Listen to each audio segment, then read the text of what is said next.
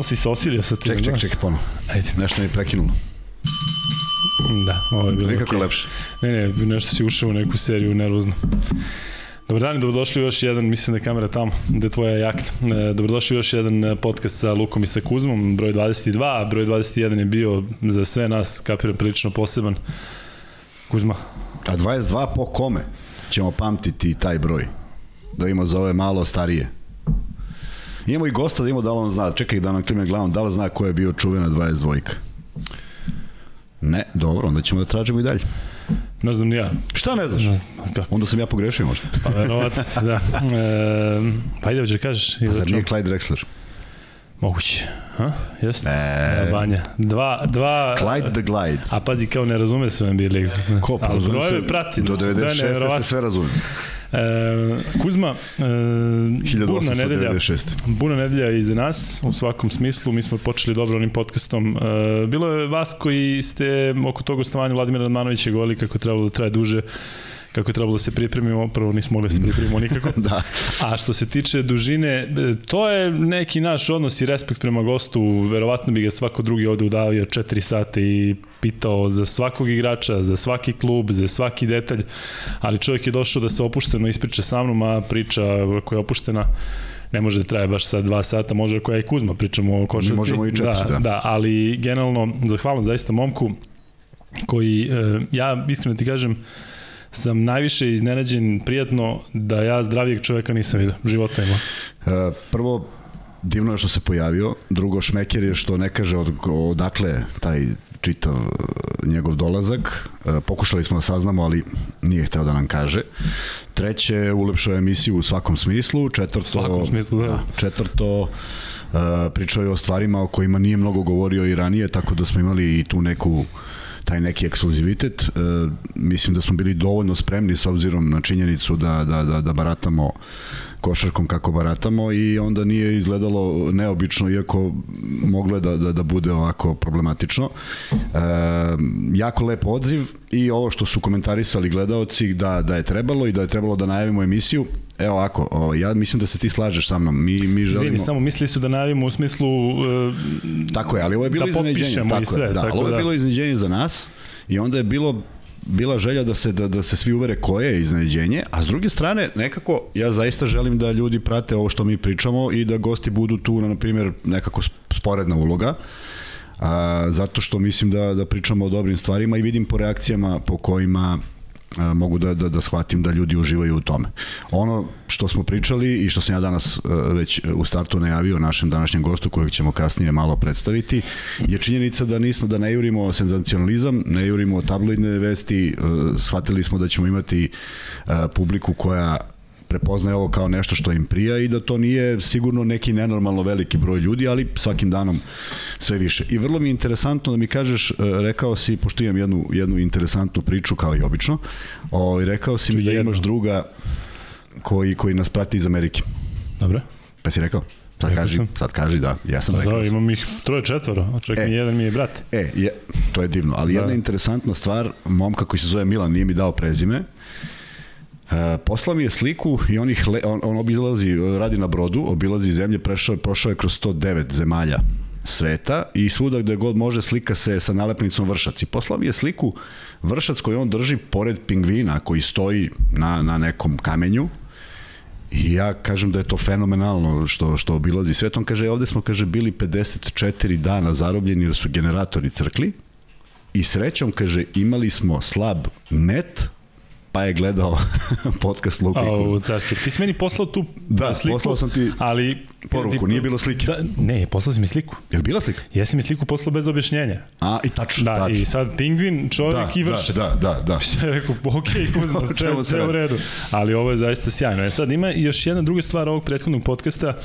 E, stvarno je sve bilo super, međutim razni mediji su preneli ono što mi izbegavamo, neke senzacionalističke i tabloidne stvari, što se meni i Kuzmi nije dopalo. E, pisalo se o tome šta je Radmanović, e, kako je, čak su neke njegove reči možda izlačene iz konteksta, nije to uopšte toliko strašno, ali iz ovog ugla bih to hteo da, da ispratim, a nadam se da ćeš ti složiti sa mnom. Mi smo jedan dres dali um, momku iz Poževca. Nikoli, Nikoli Da, i njemu ćemo poslati dres, on um, lakše tako da mu pošaljemo. Ima jako lepu čestitku vezano za, Fenomenalnu za čestitku imao, da. da. I uh, ja bih još jedan dres dao ako se slažeš sa mnom, s tim što sada se već smanjuje izbor, dao bih uh, Saši Rakiću. Sale Rakić je... Da, koji nas prati, da, da. Sale Rakić je neko ko nas inače prati, ko uvijek ima dobre savete i sve. Saša, javi se na Instagram Luka i Kuzma da, da vidimo koji ćeš dres. Eh, ali zbog toga što je na nekom drugom sajtu lepo potpisao ono što ja i ti mislimo, on je tako napisao. Je, Sad nije ni bitno šta da mi sada ne, ne, ne, nešto, da, tako je. ali Sale Rakić je očigledno jedan uh, istomišljenik, što je sjajno. Ja i Kuzma da se razumemo, zaista volimo kad imamo puno pregleda, zato što znamo da nas gleda, gleda ljudi koji su, ne jurimo preglede sa te strane samo da bi jurili preglede, tako Ine, inače bismo stavili mi naslov Radmanović, dve tačke, ne znam šta. Tako je. Ali u suštini, jako lepa emisija, kažem, momak koji koji je došao ovde, koji je očigledno, svi imamo neke svoje demone sa kojima se borimo svakodnevno, on deluje kao da je svoje demone uh, pobedio i kasnije kada smo pričali sa njim, on je rekao da je izuzetno srećan, da je zadovoljan, da se posvetio nekim malim stvarima koje svi imamo u životu manje više. Um, I e, bila je zanimljiva anegdota da ja tek posle sam se smejao kada je Lada pitao ili ide neko na Novi Beograd eh, ka sport klubu, ako ne, ne, ne, ne, ne. A on čovjek došao peške. Peške došao. Car da, došao da, da, peške da, da. i sad pita da li neko od nas ima njega da, da vrati, a ja kao ne, ne, ne treba vožnje, ne, sve, sve okay, gledam me belo. A u svakom slučaju, Vlado, hvala još jednom. E, mi krećemo u naš redovan 22. podcast sa burnom nedeljom iza nas, sa burnim danom iza nas. Da. E, ja i Kuzma ne padamo na, na ne ulazimo u te zamke da komentarišemo mnogo politiku, iako smo pričali o, o svemu što se dešavalo sa ruskim klubovima i sa Euroligom i sa svim što se dešavalo u Ukrajini ili kako to utiče na sport. Sada jučerašnja utakmica između Zvezde i Žalgiri se malo možda ostalo u senci nekih sporednih stvari. E, Kuzma, ti slobodno reci ako hoćeš nešto oko toga, ako nećeš ništa pa da pređemo na ovaj košarkaški deo. U smislu vidiš, vidiš šta se sve dešava i sa tim društvenim mrežama i sa tim um, odjekom da ljudi koji eventualno ne znaju, zašto zvezdini košakaši nisu držali zastavu Ukrajine gde piše zaustavite rat? A, moje mišljenje je e, sledeće. Da je to a, natpis koji je na običnom papiru ili na nekoj boji, on je na ukrajinskoj zastavi, gde se odmah svrstavaš na jednu ili na drugu stranu. Ne verujem da postoji jedan čovek koji želi rat, jel tako? Dakle, ne, uopšte ne vidim košarkaše zvezde da, da su, da su uh, neki ludaci koji žele da se nastavi pogrom koji se dešava u Ukrajini, ali s druge strane, u momentu kada oni treba i kad je predviđeno da budu deo tog držanja zastave, na tribinama se nalazi NATO zastava, koja apsolutno igrače Zvezde može da asocira i treba da ih asocira na nešto što se desilo pre 23 godine, u čemu smo svi nažalost učestvovali, što nikada nije naišlo na osudu pa čak ni Litvanaca, ne bih se baš nešto zakleo da su 99. E, nosili transparent Srbije i bilo šta. Dakle, svrstali su se na jednu stranu. E, iz tog razloga smatram da Zvezda nije morala da učestvuje u tome na taj način, iz prostog razloga što je to e, na neki način stvar e, upravo ovoga o čemu sam pričao, da je moralo da se izabere strana u kojoj se nalazi uh, NATO savez koji je i dalje tvrdim i dalje, dalje se slažem sa konstatacijom bezpravno uradio šta je uradio, devastirao ovu zemlju i to nikad ne smemo da zaboravimo bez obzira kakve su političke igre sada bez obzira što je histerija takva da je da su Rusi eliminisani iz svih takmičenja, nije to prva agresija na, na, na, na svetu u, na, u poslednjih 23-4 godine, nije, nije niko bio eliminisan iz onog, onog momenta kada smo mi bili bombardovani, prema tome uh, ne mogu da kažem da pozdravljam ili ne pozdravljam, samo iz, iz, izražavam svoj stav koji mislim da su imali i igrači Crvene zvezde. Dosta. To je to, to je to što se tiče podcasta Luka i Kuzma generalno, pošto više nećemo vratno postojati. Možda nas blokira neko zbog ovoga, ha? Ha? Nas ne može Vanja da drži, Vanja ne mora da pređe Vanja. Ali e, šalu na stranu, e, znaš šta mene generalno plaši? Čak sad možda će izgledati da poistovećam sa nekom e, situacijom u kojoj je naša država, ali nemam tu nameru, ali postalo je opasno biti neutralno. Znaš. Ne, mora se svrstaš na jednu jedinu da, stranu, ali, nemaš uopšte... Ne, ne, ali čak ti, i ako si neutralan, pa čak i ako ti na neki način, ako učestvuješ u Euroligi, ti opet daješ znak da podržavaš to što Euroliga, ali moraš baš tvrdo da se, da se postaviš tvrdo da, da odeš na, na, na jednu od strana, što je onako prilično nezgodno. Znaš, tako da, a, pr, valjda oni koji malo poznaju istoriju i koji poznaju i geografiju, znaju koliko su Rusija i Ukrajina u stvari vezani i koliko u stvari besmisleno stajati na ičiju stranu. Tako je. Ajde, nije ovo, možda to jeste uvod u neki veći sukob, ali generalno... Um, da batalimo. Da, ali, e, znaš šta, mi generalno pokušavamo da, da imamo i tu parolu da sport ne treba da se, da politika ne treba da se menja, meša u sport, ali činjenica da će se uvek mešati sport je jednostavno toliko i marketinški i ekonomski prisutan da politika mora da se meša. Sad oni koji kažu treba to potpuno razvojiti, ja mislim da je nemoguće. Ali ovo definitivno nije način. Nije način, nije način, ne vodi ničemu i utiče, ozbiljno utiče na neki kvalitet košarke. Sad pričamo samo o sportu, utiče na kvalitet sporta.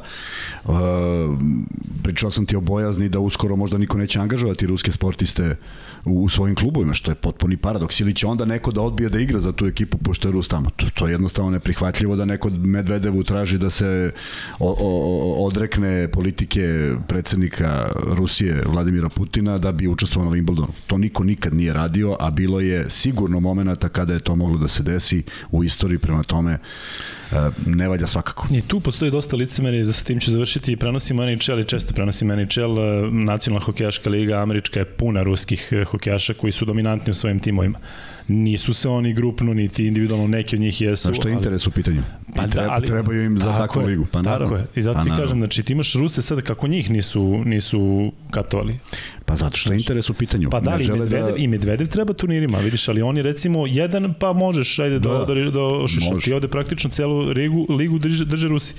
I sa te strane, Ajde, stajamo ovde. E, Kuzma, da se vratimo u meču između Zvezde i Barna, e, utakmica koja je praktično e, usmerila sezonu Evrolige Zvezdinu Euroligašku da, sezonu u jednu u kojoj su bila uprte mnoge oči, ne samo zvezdinih navijača i igrača, nego i ostatka Evrolige koji da. se nadao da bi Zvezda tom pobedom njima dala nadu da, da konkurišu Albi i Fenerbahčevu pre svega.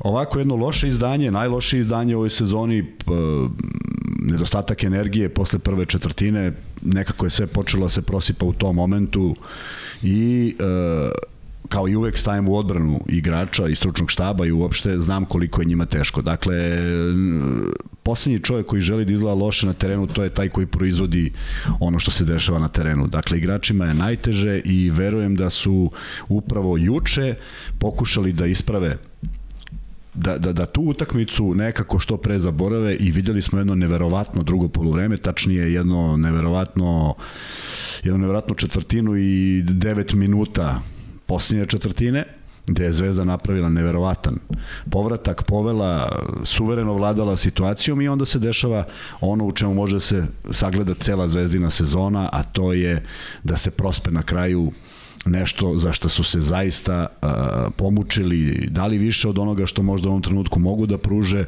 i ostali bez pobede.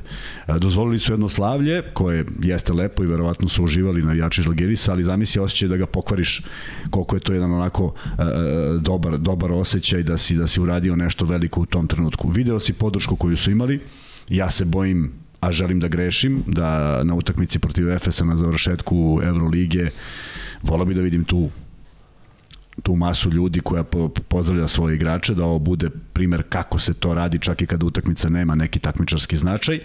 A naravno, uvek vremena za analizu ima, to nije sada, nego tek na kraju sezone, da se vidi šta je valjalo, šta nije valjalo, uvek možda se izvuku i dobre i loše stvari.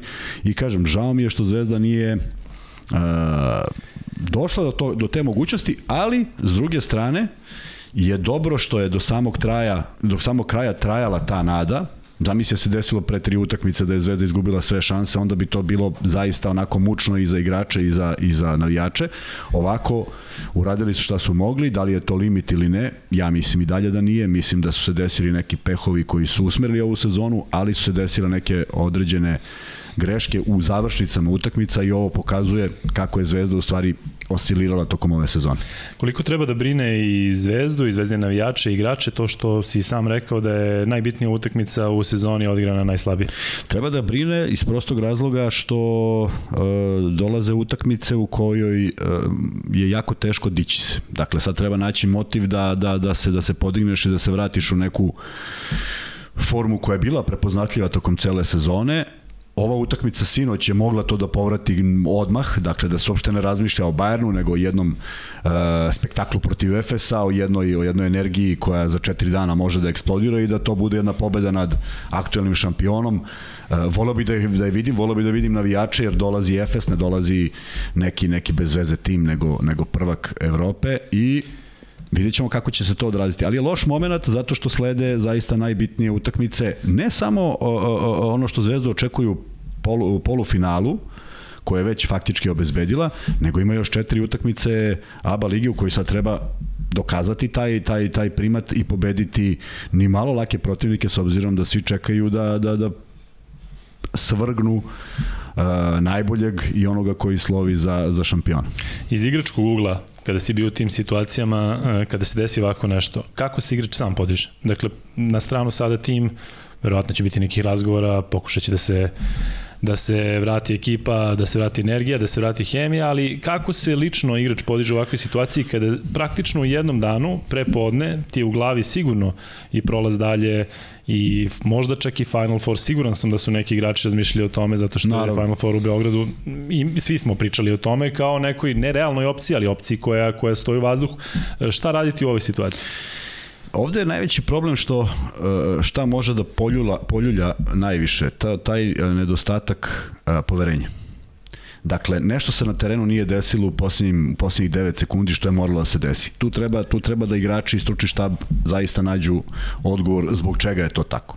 Dakle, prosto morao je da bude faul. Kako, ne znam. Neka ga neko saplete, šutne ili bilo šta, samo da ne dođe do pozicije za tri. Da li neko nije poslušao, da li je neko ispao iz igre misleći da je dovoljno da odbrane, zaista ne znam i ne ulazim u to, iako znajući Dejan Radonjića, verujem, ne mogu da tvrdim, ali verujem da je tražio da se napravi faul. E, tu, tu je, tu, to je najbitnija stvar. Ako se tu napravi nepoverenje, onda to znači da ne možeš da sprovedeš neke najosnovnije stvari kao, kao trener, onda nešto ozbiljno nije u redu. E, koliko bi sve drugačije izgledalo samo da je to da je to učinjeno, to je to je neopisivo koliko bi to drugačije izgledalo.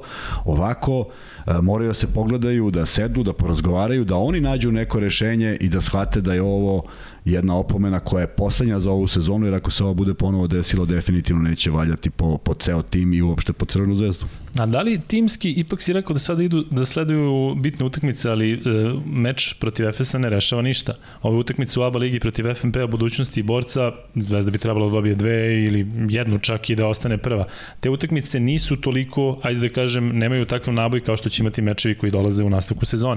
Da li je to dobro ili loše? Da li bi za Zvezdu bilo dobro da se sad odmah krenu meče i biti odmah ne da biti? se krenu, odmah da, da se krenu. Zato što su ipak utakmice gde će, biti, gde će biti kalkulacija. Ne sme da bude kalkulacija. Dakle, oni moraju ne, da pošalju... Ne mogu sebi da daju oduške u smislu da neki igrače odmore i sve. To je jedna stvar, ali da, da bude apsolutna tenzija kao da je to sad utakmica koja vodi u finale i to je to. Zato što Zvezda mora da povrati taj osjećaj, pre svega igrači da povrate taj osjećaj nepobedivosti, da izađu na teren i da od prvog momenta stave do znanja da kogod gostovo i s kim god Zvezda igrala do kraja sezone nema šta da traži, da bi što spremni ušli u polufinale, koje e, sad kako stvari stoje, CD Vita može do trećeg mesta, ali nije to tako lako, što znači da ako uzmemo da je teoretski sada ono što je što je sad trenutno stanje da je to uh, Zvezda Partizan budućnost CD Vita i ako ne bude iznenađenja mada mislim da su u stanju i FNP i Gokea da naprave iznenađenje pogotovo u odnosu na kako na, na situaciju u kojoj se nalazi budućnost bez Vili Rida, Vilija Rida i činjenice da da da imaju krizu rezultata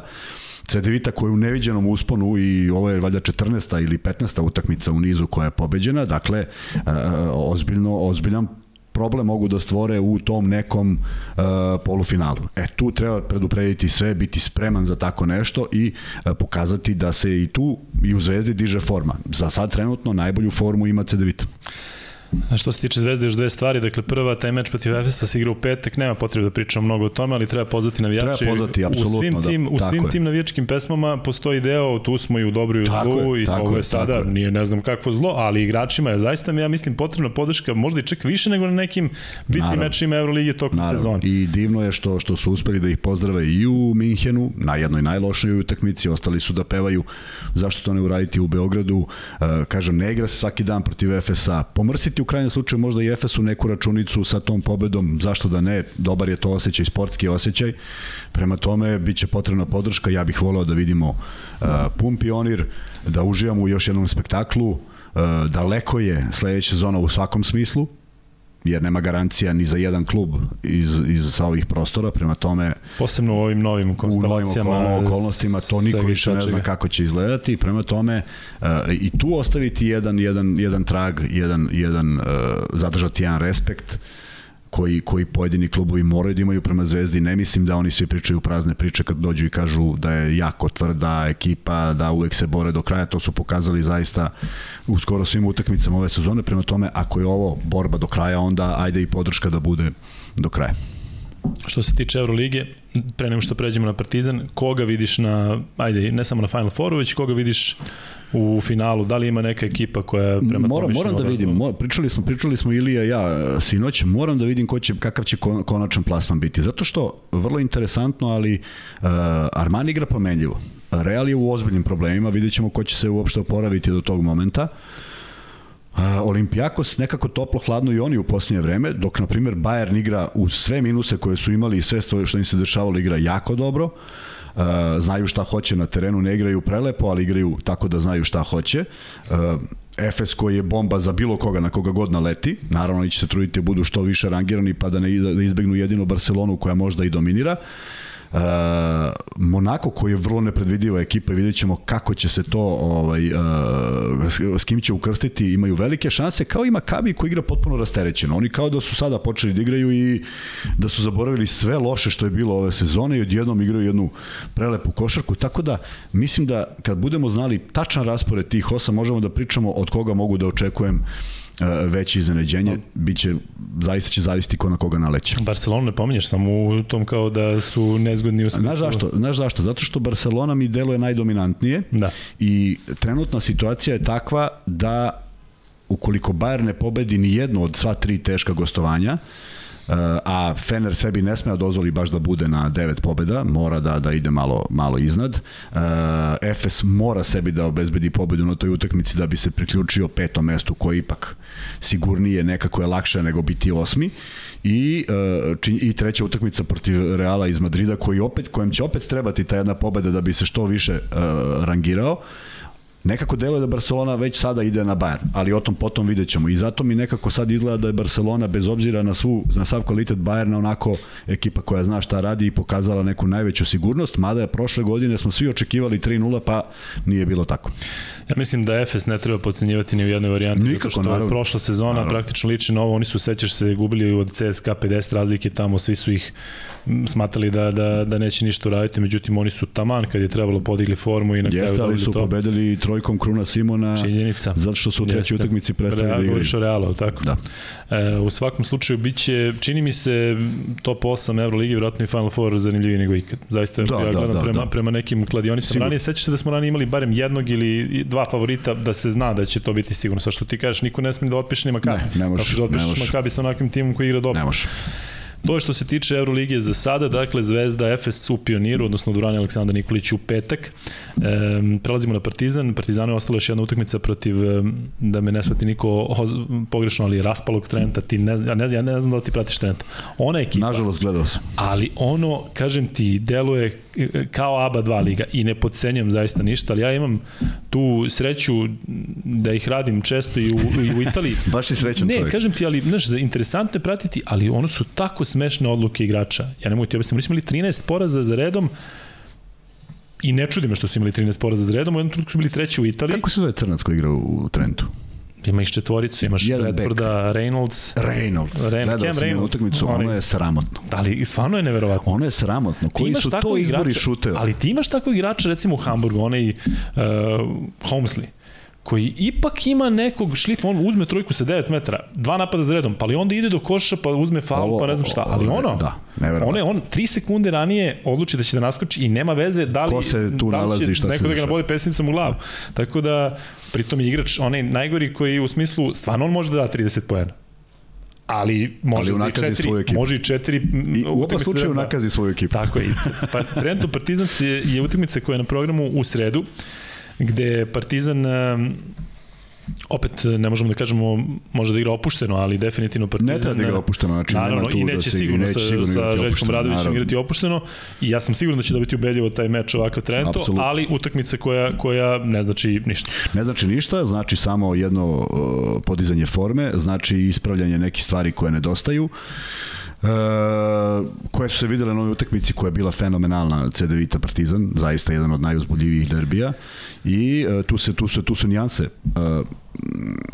Zahvaljujući nijansama je pobedila Cedevita koja je gubila maltene celu utakmicu, ali e, svaka utakmica služi da se isprave neke stvari i da Partizan što spremniji, što sa što većim fondom e, raspoloženih igrača uđe u to doigravanje, koje u prve dve utakmice sigurno ide na ruku, vidjet ćemo kako će to sve da se odigrava i s kim će ukrštati, ali zaista ne vidim da bi trebalo da bude problem makar u te dve runde, a onda kada ostane tih osam ekipa, tu bar, bar, bar šest želi da bude među prve dve, ne samo da želi želi, žele svi, nego imaju kvalitet da tu budu i onda ćemo vidjeti s kim će, s kim će se ukrštati.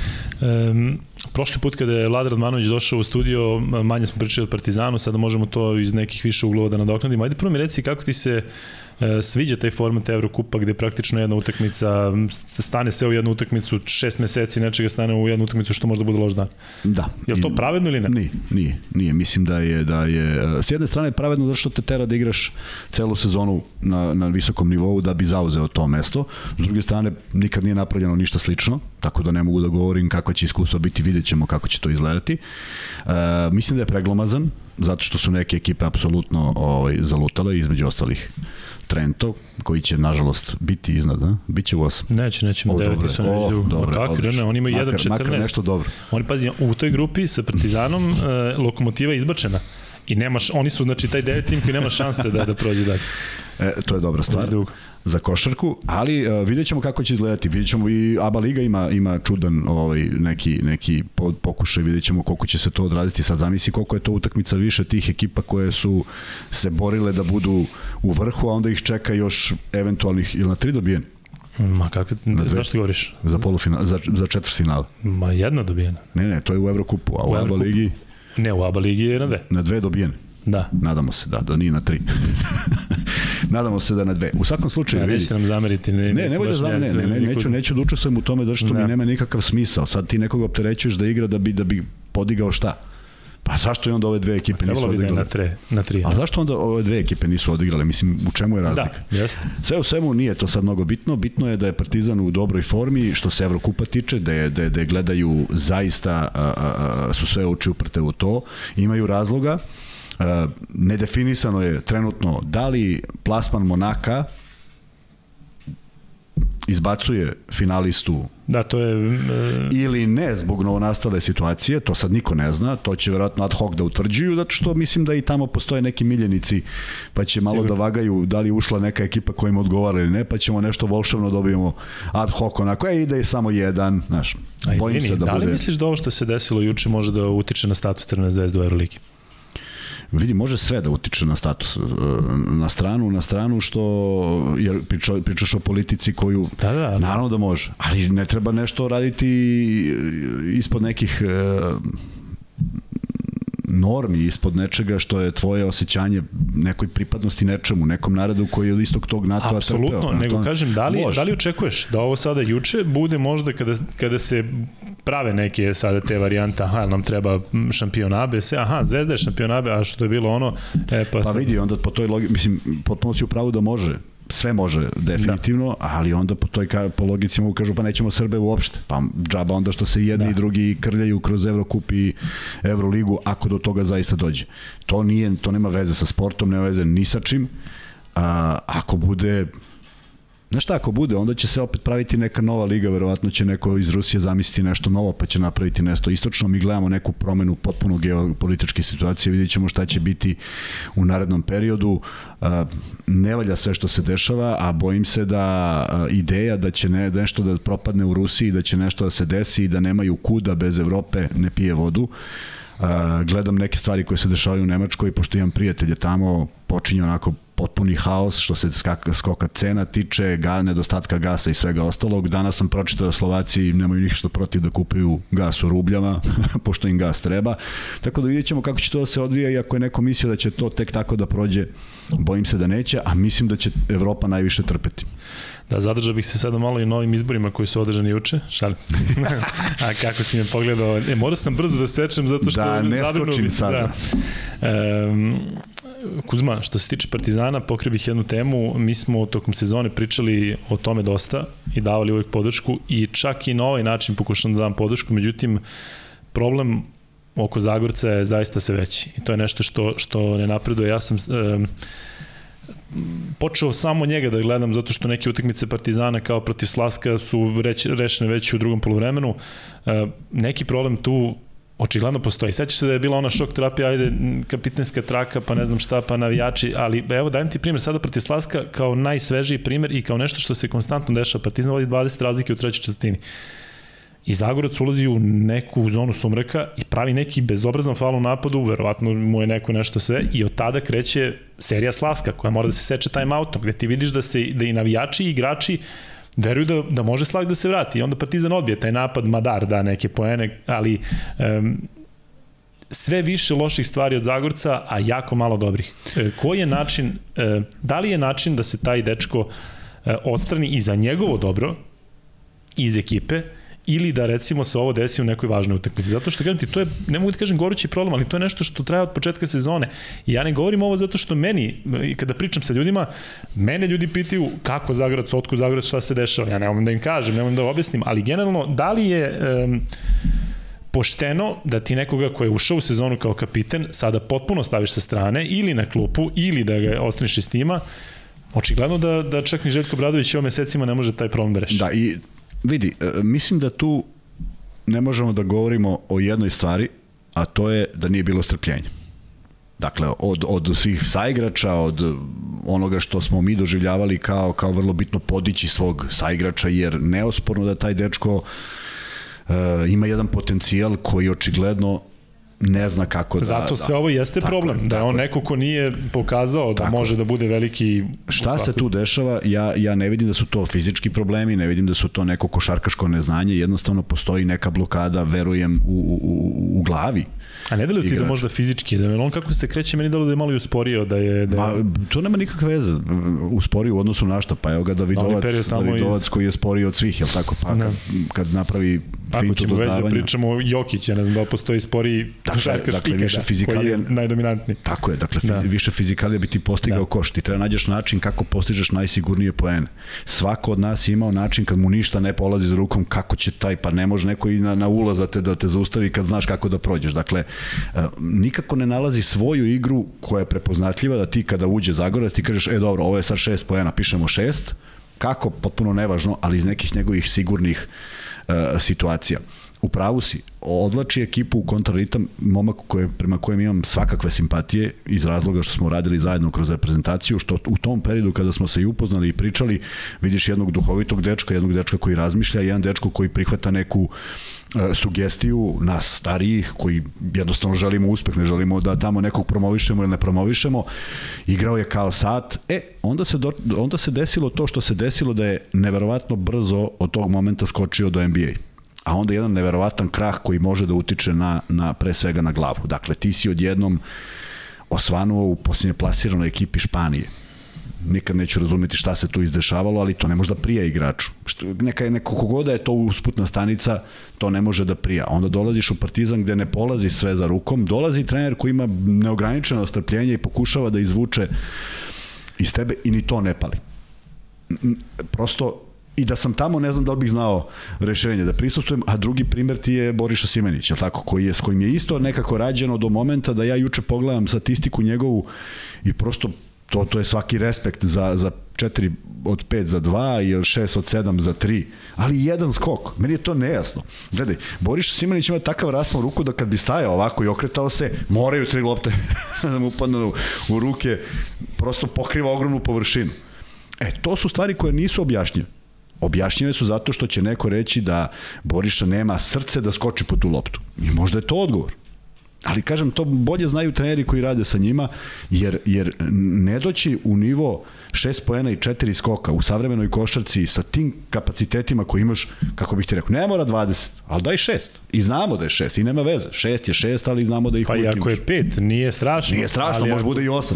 da, i da se razume da, da ovde zaista ovo nije neki udarac na Zagorca, nego jednostavno ne želimo da neki što, problem što, da. koji je toliko vidljiv da, da ga guramo po tepi, zato što to kasnije Partizanu zaista može da napravi ozbiljne probleme. Ti kada si kapiten, od tebe se očekuje da ti nešto kažeš u toj slačionici, ali kako ćeš da kažeš kada, kada svi gledaju tebe možda kao nekoga, pritom da se razumemo, Partizan ima još igrača koji igraju ispod nivoa. Ako pogledamo Kuruks koji je... Da, da, isto, koji je, isto misterija. Ali kažem ti, mislim da je to isto rešivo. U smislu, taj dečko može da ode. A ti, jer Zagorca, ne možeš tako laš, ne, lakše da... Ne, nije, da... nije, reš, nije ni rešenje tako i je. igrač je domaći i treba da bude tu i tako dalje. Mnogo više strpljenja sigurno ima i prema njemu. S druge strane, ajde da ne bude da pričamo samo o Partizanu. Bilo je povika i na zvezdine pojedine igrače. Holins je preživeo jedan, jednu, jednu ozbiljnu kritiku. Stefan Marković do kup utakmice, ja sam posle izjavio, prvo znao sam da mora da proradi. Zaista, znači on ima toliko iskustva i toliko znanja, ne kažem da je u najboljim godinama, ne kažem da su mu svi uh, potezi na terenu uh, ispravni, juče izgubio dve lopte što njemu nije na, na, na, na dodavanju, što njegu nije svojstveno njemu, ali onda izvukao iz utakmice onim trojkama, pa je Zvezda bila na korak od pobede. Dakle, e, svi imaju uspone i padove u jednoj izuzetno teškoj sezoni, ali ovde nekako e, sve oči su možda i ako postoji izraz uprtije u njega, jer, jer se napokon očekuje da, da nešto postoji, pa ne postoji, da. Ali se očekuje ta eksplozija, jer, jer ja duboko verujem da svi navijači Partizana koji se nerviraju Zagorčevom lošom igrom žele da on proigra. Niko ne postoji tamo ko ne želi, pa i mi spadamo Absolutno u tu grupu. Apsolutno želim ja i nadam se da će biti možda ta jedna utakmica gde će on stvarno da eksplodira. Da i se da nešto promeni, biti... tako, da bude neka prekretnica. Da, Još nikako da se desi. Da, ali eto, nadamo se da će biti i nadamo se da će biti što pre, zato što sezona već se ozbiljno primiče da. kraju i nema više, neće više biti tih utakmica gde možeš nema da više utakmica, nekoga tako ili ne. Tako je, nema više utakmica koja ne znači ništa. Tako je. E, Kuzma, e, Partizan i Aba Liga, nismo pričali o onom meču sa Cedvitom, a trebalo bi, um, rekli smo i zašto zbog prethodnog gosta, ali pomenu si ti Cedvitu, ajde malo da pričamo o Cedviti. Koliko je ozbiljna pretnja Cedvita? Zato što ja sam ja siguran da oni kada sede sa golencem u, u slačionici između sebe i svako od njih individualno, sigurno misle da mogu da osvoje ABA ligu sa punim pravom. pravom zato što mi svi ovde vidimo Partizan i Zvezdu u finalu. Sada je budućnost pala. Niko, budućnost isto može da se podigne, ali tako? Budućnost koja je bila dominantna u Evrokupu, koja je držala korak s Partizanom i Zvezdom. Da li je Cedevita ne mogu da kažem ozbiljna pretnja, nego da li malo svi mi guramo u drugi plan Cedvitu. Cedvita ozbiljno igrao i u Evrokupu i u Aba Ligi i ja se ne sećam da je jedna ekipa ove sezone na oba takmičenja bila toliko furiozna u nekom dugo, dužem periodu. U dužem periodu. Potpuno si u pravu. Ono zašto ih mi negde ne vidimo je razlog što su 6 ili 7 godina za redom bili fenomenalni, pa onda odjednom krah, pa bili tu su samo što nisu, pa ništa. E, e sami su sebi pravili, pravili problem, uslovno rečeno. A onda se desio to prebacivanje, znaš, onda više ne znaš da li je Cedvita iz Zagreba ili je iz Ljubljane, pa i to utiče da ne kažeš... Ne ih ozbiljno. Ne da, da, jer to ne ide baš tako. Međutim, ove godine uh, Jaka Blažić, apsolutno neko ko je, ko je vođa te ekipe, od koje zavisi mnogo toga, uh, predvodi jednu ekipu sa odličnom hemijom. Ti vidiš kako stvari funkcionišu, ti vidiš jednog Jacob'a Pulna prema kojem znaš da nemam simpatije, zašto nikad nije vodio ekipu do nečeg ozbiljnog, možda ove godine bude promenjeno. Uh, čak i on protiv Partizana nije blistao, ne da nije blistao, nego je uspeo da ih uvuče u neki minus svojim odlukama, ali opet je tu bila ekipa igrača. Ne mogu da kažem da mi se dopalo šta je Ogi Ferel radio, naročito ovaj, kada šu, uzima onaj šut 1.17 u tom trenutku šutira Cedevita, on uzima šut iz kontre sa 7 metara kao sad, ovo, to je ta pa ništa.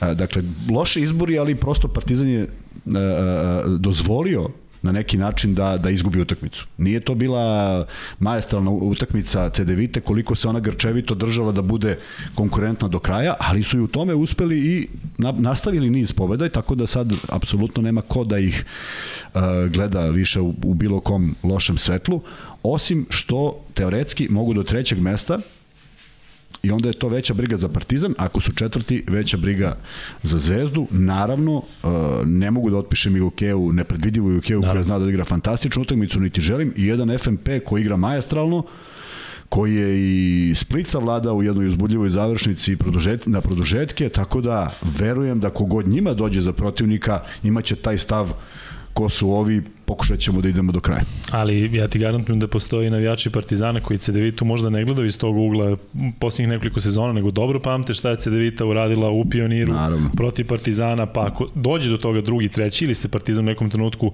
i tu možda postoji neki grč, opet ovi Setili smo sad stvarno igraju dobro. Je, svakako A razlika među Ferela i Pulena prema meni e, je u tome što jedan i drugi su taj tip igrača koji apsolutno može da bude match winner u svakom trenutku, a može da bude i kontraproduktivan, ali nekako Ferrell igra sa, kada da koš, čini mi se da mu više stalo. On se bacaka, hoće, ne znam šta. On i Pulen mi deluje kao momak koji je onako prilično, ajde da kažem, ne, ne zainteresovan, ali pravi onako profesionalac, već on i starije i verujem da mu možda i nije toliko baš značajno sve što se dešava. Ali kažem ti, meni, meni um, ja zato mislim da ovaj Partizan ima um, ogroman potencijal zato što ovi momci, Mur, Panter, Ledej, kada daju koš, ti vidiš da je njemu stalo. Mi smo svi njih gledali i ranije. Tako, gledali smo tog Pantera i u Virtusu, pa smo ga gledali u Olimpijakusu, pa smo ga gledali čak i u Zvezdi. Ali ja, Ledej, Ledej, Olimpijakos, Žalgiris, Armani, nije to bila ta energija. On čovek, kažem ti, bi poginuo za loptu. Ali zašto Pule nije u Euroligi? Pa eto iz tog razloga. On igra čovek za sebe, za neko svoje zadovoljstvo, to je sve lepo. I on može da igra u tim nekim skromnim timovima koji... I on je koji... kvalitetan igrač, da se razumemo, tako? Ali, ali, ali, uh, prvo ja pa tim. I probali su ga, ja se ne znam da sećaš perioda kada je bio u Barceloni. Pa to je jedina titula, to je jedina titula koju je Pulen osvojio kao drugi playmaker. Da. I nešto mu nije odgovaralo. Pa ja bih ostao u Barceloni narednih 24 godine. Pa ne verujem da ne, njemu nije odgovaralo, verovatno. Pa, su procenili tada, da.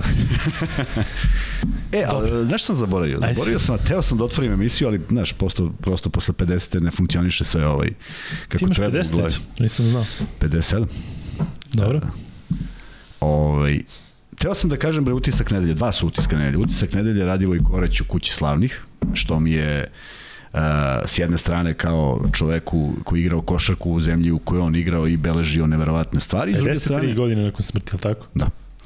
A s druge strane, zašto sam igrao u OHK Beogradu i taj dres je jedini u Jugoslaviji u to vreme koji je bio sklonjen zbog, zbog tragične smrti Radivoja Koraća, pa nismo imali peticu, ono čuvenu peticu o kojoj smo pričali, nego šestnesticu i zato mi je izuzetno drago što se neko setio makar i dan danas da, da ga, da ga ovaj, ubaci u Hall of Fame, trebalo je mnogo, mnogo, mnogo, mnogo, mnogo ranije, ali to mi je onako, na stranu sad Manu Ginobili, o njemu ćemo pričati nekom drugom prilikom, posebno drago i zbog njega.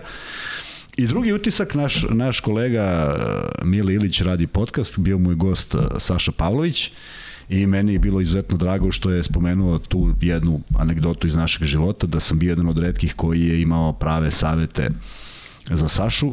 Eh, ja, nažalost, u svojoj karijeri nisam naišao na mnogo, naišao sam na par, ali ne na više od toga ljudi koji bi dali neki savet mlađem igraču, jer u momentu kada ja dolazim u budućnost, to jest kada dolazi Saša Pavlović u budućnost, ja imam 29 godina. I ja ne mogu da budem uopšte s ostim da smo mi konkurenti. On ima 18, ja 29. Ja ću biti na zalasku, tako da sam apsolutno želeo da podelim neka iskustva ka, sećajući se kako je to bilo kad sam ja imao te godine, meni je izuzetno drago što je on to spomenuo, a još mi više drago što je on to prihvatio kao, do, kao dobar savjet i očigledno se rukovodio po time. Pa verovatno je zato pošto to što jeste. Ima to, ne kažem zbog tvojih savjeta, da, nego zbog naravno, zato što je bio spreman da, da upije. Da, da upije, tako, a i zbog mojih savjeta. Naravno. I, a vrati me onda na još jednu sad ovaj, uh, anegdotu, nije anegdota, nego je uh, ne znam da li si pročitao knjigu Autostoperski vodič kroz galaksiju, jedna od najluđih knjiga Douglas Adamsa ikad napisana. Dobro. Pythonovci, on se družio s njima, pa je u tom kontekstu i napravljena knjiga, fenomenalna je, pročita je, ovaj, zaista je zabavna i sad ima jedan fantastičan deo gde su dva momka, jedan je sa zemlje, drugi nije, zarobljeni u uh, vog, vogonskom brodu i treba da ih izbace u svemir. I to je posljednje reči šta će oni da progovore, pošto treba da se otvori i da ih isisa vakum. I ovaj momak kaže, sad mi je žao što nisam slušao šta mi je majka govorila dok sam bio mlad. On kaže, što? Pa šta ti je rekla? Pa kaže, ne znam, nisam slušao. E, meni je drago što je Saša slušao, što je čuo to što sam imao da kažem, zato što su zaista bile uh, najdobronamernije stvari i što je napravio karijeru uh, delimično možda i zbog činjenice da smo se nalazili u, u tom trenutku na istom mestu i mnogo mi je drago što je to spomenuo, tako da sam sad, eto, završio sa utiscima. Kuzmina veličina je ta što smo mi pričali ovde dosta o Saši Pavloviću i ti nikada nisi rekao to, ti si samo pričao o tome da je tako bilo je. igrača koji su onako, kada krenu za pa, kucavanje, pa, pa da kažem. možda kažeš koji igračke penalio kad krene na kucanje. Ne da si pričao o tome, on U, kad pa krene svi, Pa ne može, pa nismo dozvoljavali, da, da. pa svi smo skočili, svi skočimo na njega, bezobrazno. Ali dobro, Saša Pavlović je očigledno super momak koji da, pamti neke da. stvari i kažem imali smo tako tu zahvalio da sam mu sve, on je rekao to se pamti i ja sam samo poslao srdašice. A zašto ti ovo Saša, sve sad pričam? A zašto ti sad sve ovo pričam? Zato što su to detalji koji su bitni, prvo, a drugo, uh, pitao si me za jedan mail koji je napisao naš današnji gost Filip, sad ćemo ga predstaviti, u kojem ja opet nisam hteo da kažem šta je pisao, jer je malo bilo besmisleno, iz istog razloga zbog čega nisam želeo da kažem za Sašu Pavlovića, ali se vraćamo na Filipa sad ovog puta, da nam iz svog ugla nekako kaže zašto, šta znači, šta, šta tebi znači detalji i kako posmatraš košarku s obzirom da si matematičar. Čekaj da predstavimo gosta. Dakle, no, Filip, da Gavrilović, Filip Gavrilović, naš gost, obećali smo da ćemo imati jednog od naših gledalaca da priča sa nama. Filip Gavrilović je poslao jedan dann pre svega lep i Što bi ti volio da kažeš topao mail. Tapo, topao mail. e, skromnom Kuzmi i skromni Kuzma i ja smo se na moju inicijativu dogovorili da on bude gost ovde kod nas. Filip je dobrodošao u naš podcast. Ćao, bolje vas našao. Kako ti se sviđa se ovo?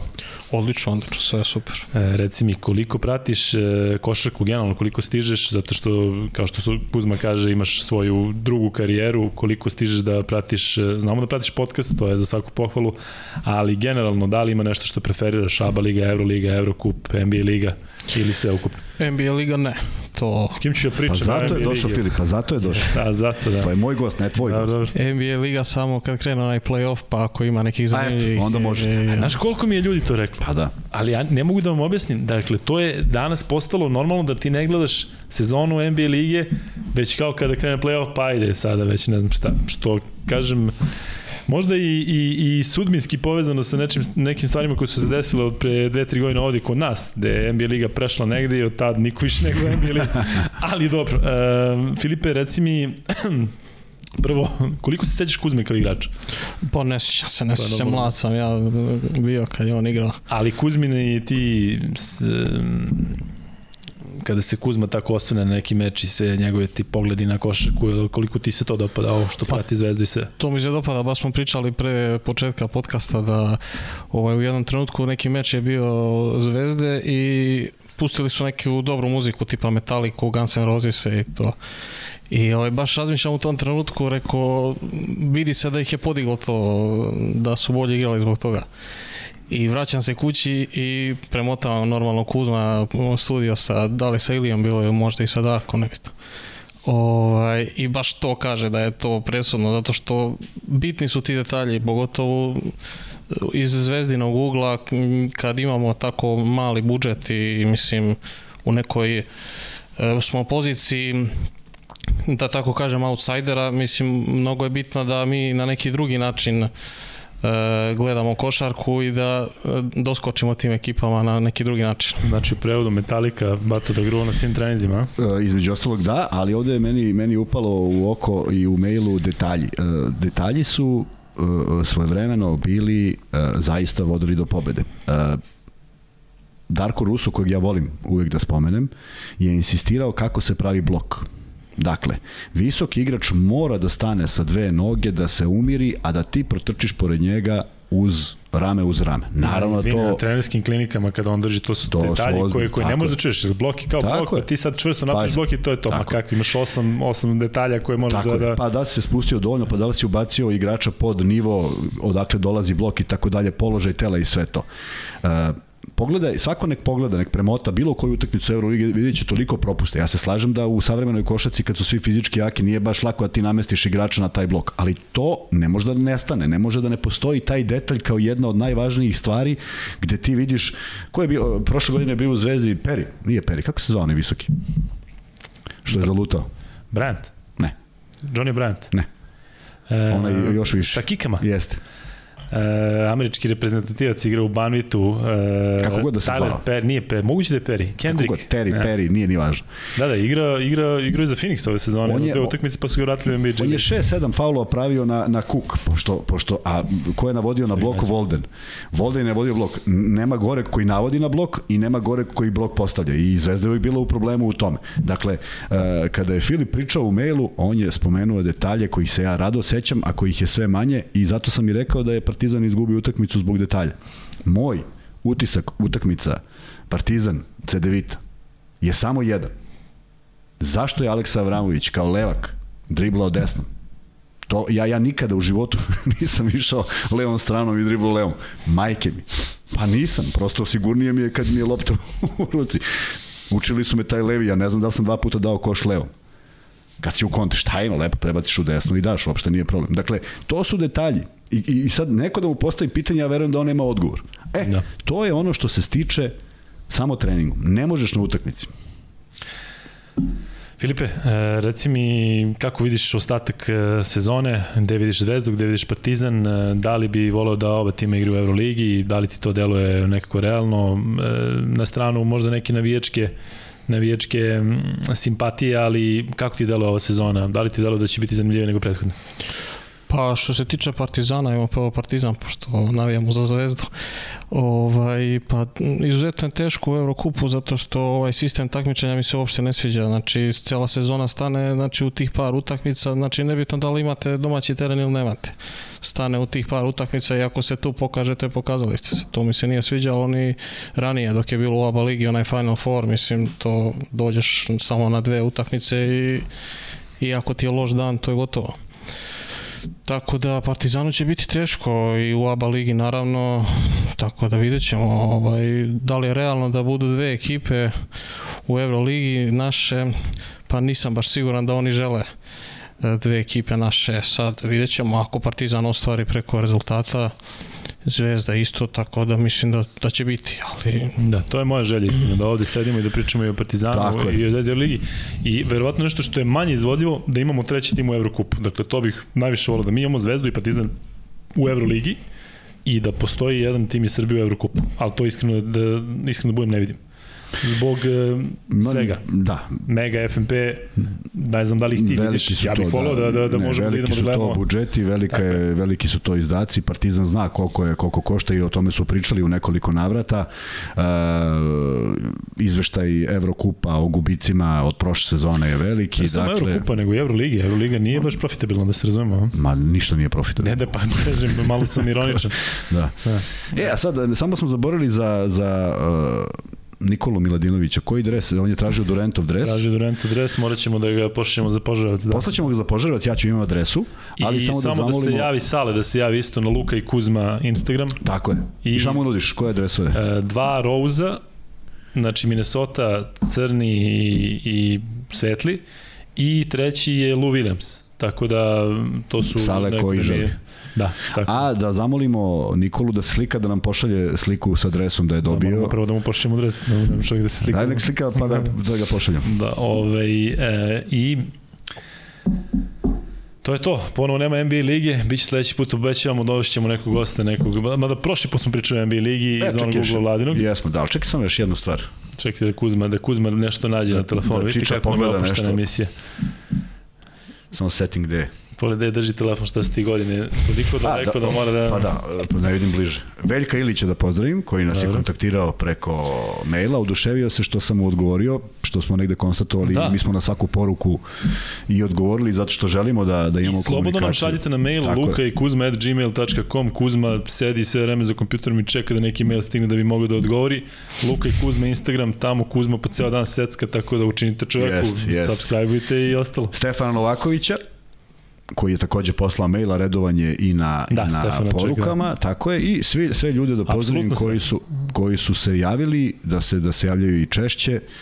Uh, pričali su u mnogo tih poruka da žele Winston Juba ligu, o čemu smo već govorili da hoćemo, ali vidiš kako se neke stvari dešavaju, pa se pojave uh, Filip i Nikola, pa malo promenimo tok emisije. Da. Ovo je bilo idealno da pričamo o tome i pričat ćemo i u buduće. Uh, Pa Šta je više... meni, šta je meni bilo super, što je devojka jedna zaista poslala smislenu poruku, meni je to bilo prosto nevjerojatno. Poslala je poruku nešto, pa što Vlada Radmanović ovako što onako vidi se da prati, znači Da, nije da, sada neko da. ko je samo, aha, pa Da. daj da ja sad tu Da. pošlem nešto, nego kritika na mestu, ali kažem ti nisam znao da nas uh, devojke prate podcast, ajde ovako, još i neko. Uh, Na Instagramu još okej. Svaka, svaka, svaka poruka koja je stigla mi je delovala uvek dobronamerno, a ogradio sam se zašto nismo najavili vladu, baš zato što smo želeli da, da, da ljudi vidi iznenađenje i zaista je naša želja da ljudi prate uh, nas dvojicu obećamo interesantne goste, pa onda kad se budu navikli na nas, da. bit će im lepše kad dođe neko. Tako je. E, Filipe, tebi hvala puno što si bio ovde kod nas e, i nastavi da nas pratiš šta ti kažem. Ajde samo za kraj nam reci, ili bi ti nešto, stvarno nam daj neki savjet, da li da trebamo duže, da li, da li ima nešto što bi tebi onako lično kada sedneš i kada uključiš o, odgovaralo da malo, da malo podcast bude još bolji. E, Pošto se mene tiče, može i duže, a može i češće, tako da... Duže i češće, dobro, samo što imamo ko će to da plati.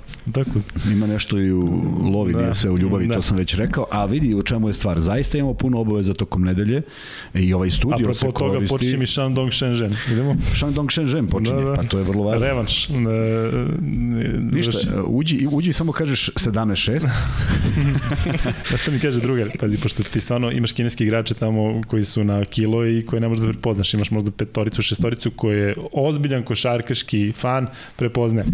I ove, kaže mi drugar, te što ti uopšte pratiš? U smislu, samo viči Wang, Zhu, Pa, pa da. Zhang. Misliš da će neko da Da prepozna da to nije to, ne? Tako da, ovaj, E, Wang, ima još jedna stvar koju sam teo, sad si me podsjetio, a Da. to je, a to je da uh, ima želja uh, gledalaca da radimo i malo da proširimo osim Zvezde Partizana i budućnosti ABA lige. Nismo spomenuli Vilija Rida koji odsustvo, samo smo ga spomenuli koji će ozbiljan peh za budućnost, ali žele da pričamo i o klubovima koji su manje popularni, ako tako mogu da kažem, koji igraju jako dobro, da se da se osvrnemo na Igokeo, da se osvrnemo na sve moguće klubove. Naravno, mi gravitiramo prema srpsko, pa i kažem crnogorskim klubovima zato što e, nekako ih uvijek doživljavamo kao kao e, domaće, kao naše i ovaj i hoćemo apsolutno moramo da posvetimo par emisija tim, tim nekim e, klubovima koji to zaslužuju i da se vratimo u prošlost. E, ja se nadam da ćemo imati interesantne goste iz tog perioda koji će oživeti o sećanja na Juba Winston ligu i izašao jedan lep tekst a, Mora da je tvoj, ja. setim ko je, pa naravno moj uglavnom koji, koji možda bude. Tekst, samo da samo da ne bude da nisam rekao koga je objavio. Bilo je jako, jako, jako mnogo reakcija na taj tekst, ali pošto sam ja malo stariji, samo da nađem. Izvinite, pričaj nešto. E, igrač koga si pomenuo se zove Emmanuel Terry. Eto, Onaj što Terry. skače visoki sa kikama. E, Teri. Jel ćeš naći taj tekst Nalazim, nalazim, minut? samo pričaj, pričaj, Uzet će mi pričaj. 20% od plate ako ne odem na Shandong. 20, tu i 30. Filipe, kako si ti? Ovako. E, e, napisao je Max Bet Sport. Opa, Jeste. reklama. Nestali Idemo. velikani, cement i košarka. Ja sam to objavio na Facebooku. Jako lepa priča, vrlo tačna. Ima par segmenata koje nije, nije dobro proverio, ali o onom vremenu 4 puta 8 liga i naš plasman u finale godinu dana kasnije protiv Partizana i tako dalje. Pa ljudi mogu da nađu. Bar znamo ko će biti sponsor od naredne emisije, tako da to je što se tiče ove, ove e, emisije, ovog podcasta. Hvala što pratite, ostanite i dalje uz nas. 23. podcast narednog ponedeljka.